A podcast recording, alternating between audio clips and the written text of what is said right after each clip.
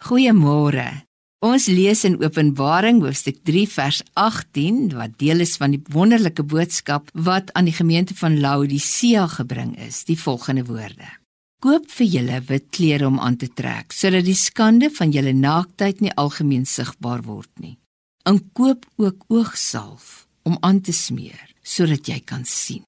Laodicea was 'n stad wat 'n baie besonderse bydrae gelewer het tot die oplossing van die groot probleem van blindheid in die wêreld van destyds. As gevolg van swak higiëne en baie stof, het ontsaglik baie mense ooginfeksies ontwikkel en blind geword. In Laodicea was daar 'n groot mediese sentrum wat wêreldbekende oogpoeier en oogsalf ontwikkel het wat baie mense van blindheid gered het. En in hierdie omstandighede kom sê Jesus vir sy kinders in hierdie stad, hulle is blind. Wat 'n beskuldiging. Maar hulle was blind. Hulle het blind geraak vir God. Hulle het Jesus nie meer raak gesien nie. Hulle het geestelik blind geword. Laodicea was ook wêreldbekend vir hulle donkerkleurige wolmateriale. Hier het hulle van 'n buitengewone kleurproses gebruik gemaak om wolmateriale te kleur.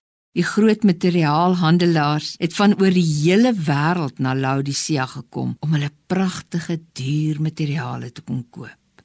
Hulle was alles behalwe kaal. Hulle was deftig geklee, maar in God se oë het hulle niks aangetree nie, want hulle was nie geklee in die wit klere van oorwinning waarvan ons in Openbaring hoofstuk 7 lees nie. Spesifiek vers 9 lees ons dat die oorwinnaarskare in wit klere geklee is. Laodicea met hulle wêreldbekende materiale was uit die mode. Meer nog, hulle was kaal. Wat is hierdie wit klere? In Openbaring hoofstuk 19 vers 8 lees ons van die fyn wit linne klere wat die bruid van Christus dra. En dan staan daar, dit is haar regverdige dade. Hiermee wil Johannes nie te kenne gee dat ons goeie dade ons red nie. Hy wil net aandui dat die dade wat ons gedoen het vanuit ons posisie van redding en verlossing. Elke keer wanneer ons God se wil gedoen het, word ons geklee in fyn wit linne klere wat ons naaktheid bedek.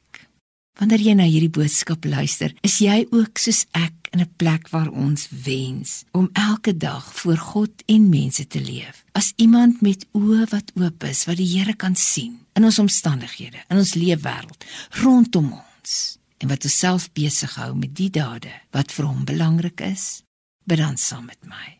Here, was asseblief die oë van my gees met u bloed, met u oogsalf. Ek wil u sien. Ek wil u wil kan onderskei en ek wil saam met u leef en u wil doen oral waar ek kom. Amen.